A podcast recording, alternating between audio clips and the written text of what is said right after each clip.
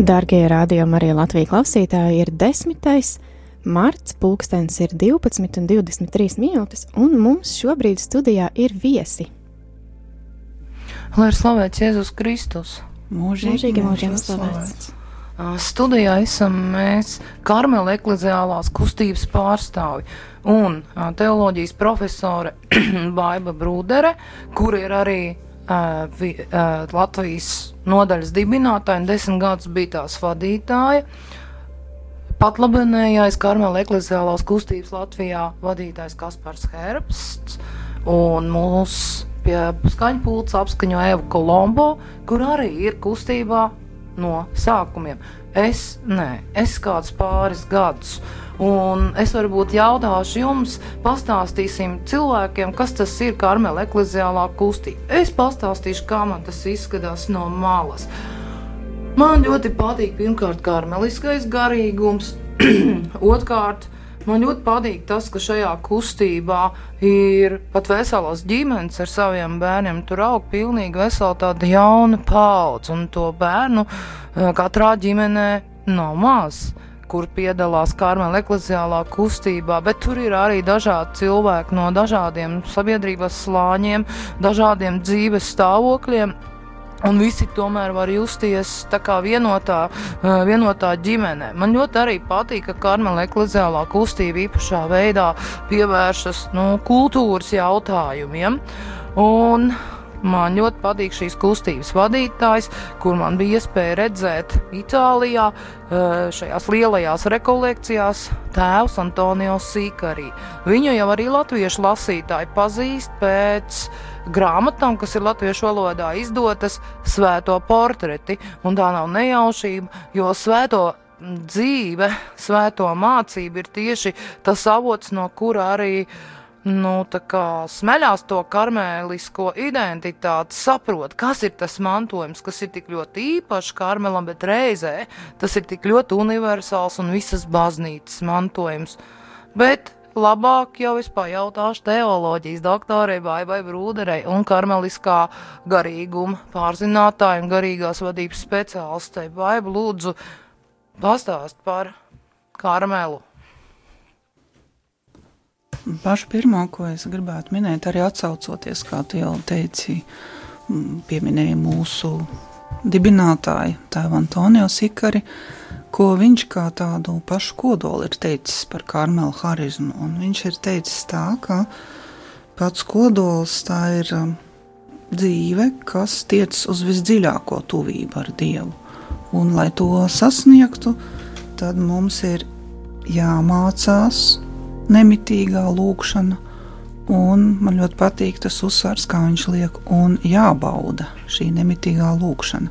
Un es domāju, ka tas brīnišķīgi sasaucas ar šīs akcijas moto 24 stundas ar Jēzu, jo tieši tas ir arī tas mērķis, kā mēs tiecamies uz to, lai šī dieva klātbūtne un mūsu klātbūtne dievam ienāktu ar vien vairāk mūsu dzīvē. Bet, protams, mēs to mācāmies visu mūžu.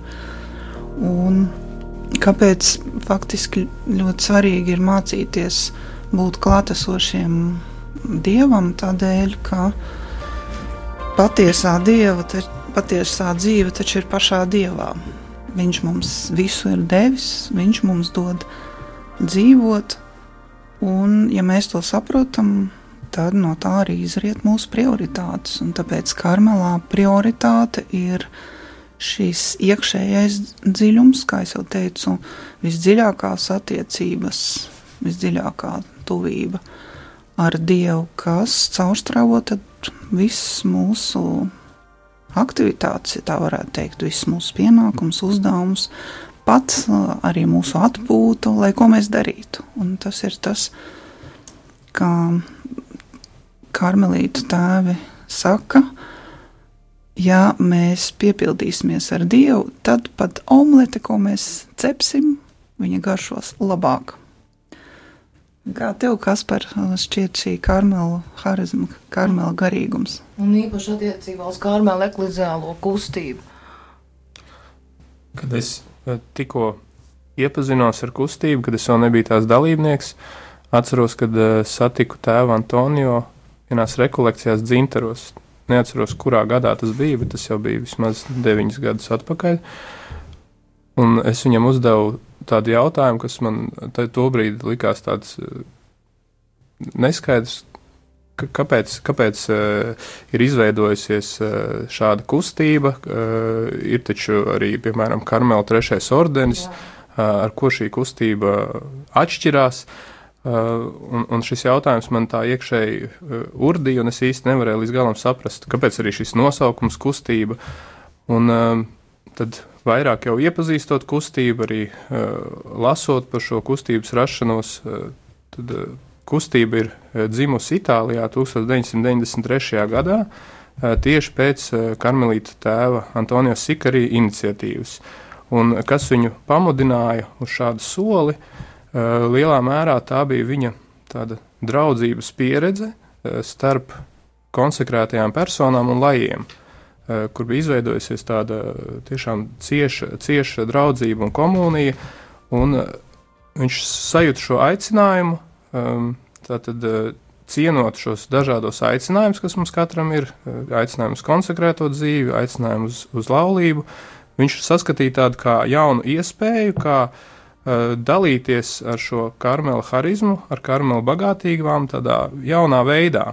Uh, tas, tas ir varbūt tāds kaut kas tāds īpašais, kas, kas ir kustībā, īpaši to var piedzīvot uh, tieši apmeklējot lielās rekolekcijas, kas notiek Itālijā, kur ir redzams, ka kustībā ir visu kārtu eh, pārstāvji. Pie mums Latvijā, diemžēl, mums nav savu karmelītu tēvu, kas būtu kustības biedri, bet Itālijā uh, tas ir, tas ir ļoti normāli, kad, kad ir visi, visi, visi, visas kārtas pārstāvēts, ka ir, ka ir tēvi, brāļi, uh, ir, ir, ir laji ir, ir laulātie, ir cilvēki, kas, kas, kas ir vieni, kam, kas, kas, kam nav, kas nav laulībā. Un, un tas, tas ir kaut kas tāds ļoti īpašs, kad, kad kustība ir kā viena liela ģimene. Un, un eh, par šo vārdu kustība tas arī var likties, eh, grib, rodas jautājums, eh, kāpēc tieši kustība, kas, kas ir kaut tāds, kāpēc nevis vienkārši, piemēram, kopiena, jā, kāpēc ne, jā. tad šim vārdam kustība ir ne tik daudz sociāla nozīme kā teoloģiska kad eh, būt kustībā, tas nozīmē vēlēties ņemt dalību tajā kustībā, kura ir eh, vis, raksturīga visai baznīcai. Tā ir kustība uz Dieva mīlestību. Un uh, baznīca, ja baznīca ir aicināta būt kustībā un šo mīlestību nest visiem cilvēkiem, tāpat arī mēs, kā, kā karmela ekleziālā kustība, arī esam uh, aicināti būt kustībā un, un būt uh, saka, iziet, izna, iziet no sevis un, un iet, iet pretī, lai šo mīlestību nestu citiem. Kā tu teiktu, kas par kā vadītājs, vai tu redzi uh, kustības cilvēkus tā arī darām? Kā tu tagad teici tikko? Es Piemēram, domāju, Diānas iedomājos, kur strādā īpašā veidā jauniešu pastorālā mājā. Es domāju, ka uh, tas ir tāds mērķis, uz ko mums visiem tiekties. Eh, un katrs no mums eh, savā tajā vietā, kur mēs esam, kā arī Baiba mums ir vienmēr atgādinājusi, ka šī karmela harizma, ka tas nozīmē nest Dievu tur, kur tu esi.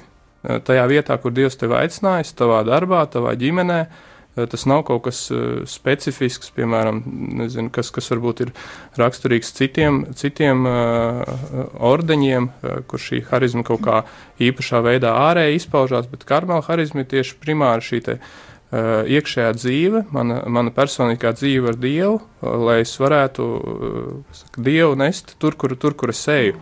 Un es domāju, tik, tik lielā mērā, cik mēs katrs esam uzticīgi ikdienā savai Eh, gan klusai lūkšanai, gan eh, uzticīgi tieši tai, tai, tai garīgajai dzīvei, uz ko mēs esam aicināti, tik, tik lielā mērā mēs arī spējam šo, šo misiju pildīt. Es domāju, tas ir jautājums katram mums atbildēt, cik es esmu uzticīgs šim aicinājumam. Tā kustība, patiesā kustība nav tāda drudžaina, bet tā ir tāda, nu, tā kā filozofi teikt, tās ir izmaiņas, kas notiek pirmkārt cilvēkos, bet pēc tam apkārtējos cilvēkos un vidē, bet sākās viņas, es tā saprotu, ka karmelītiem viņas sākas klusajā lūkšanā, vai, vai tā ir? Jā, to tu tā pareizi piezīmēji, un arī klausoties, ko stāstīja Kaspars, man ienāca prātā svētīgā tēva Marija Eugēnija vārdi, arī tāds ļoti skaists. Mm, viņa mm, izteiciens, ka viņš ir teicis, Dievs vienmēr ir kustībā, lai sevi dotu. Un lūk, kā mēs varam saņemt Dievu, kurš nemitīgi vēlas sevi dot, viens no Protams, mēs zinām, pats pirmais līdzeklis ir sakramentālā dzīve, bet sakramentālā dzīve arī izpaudīs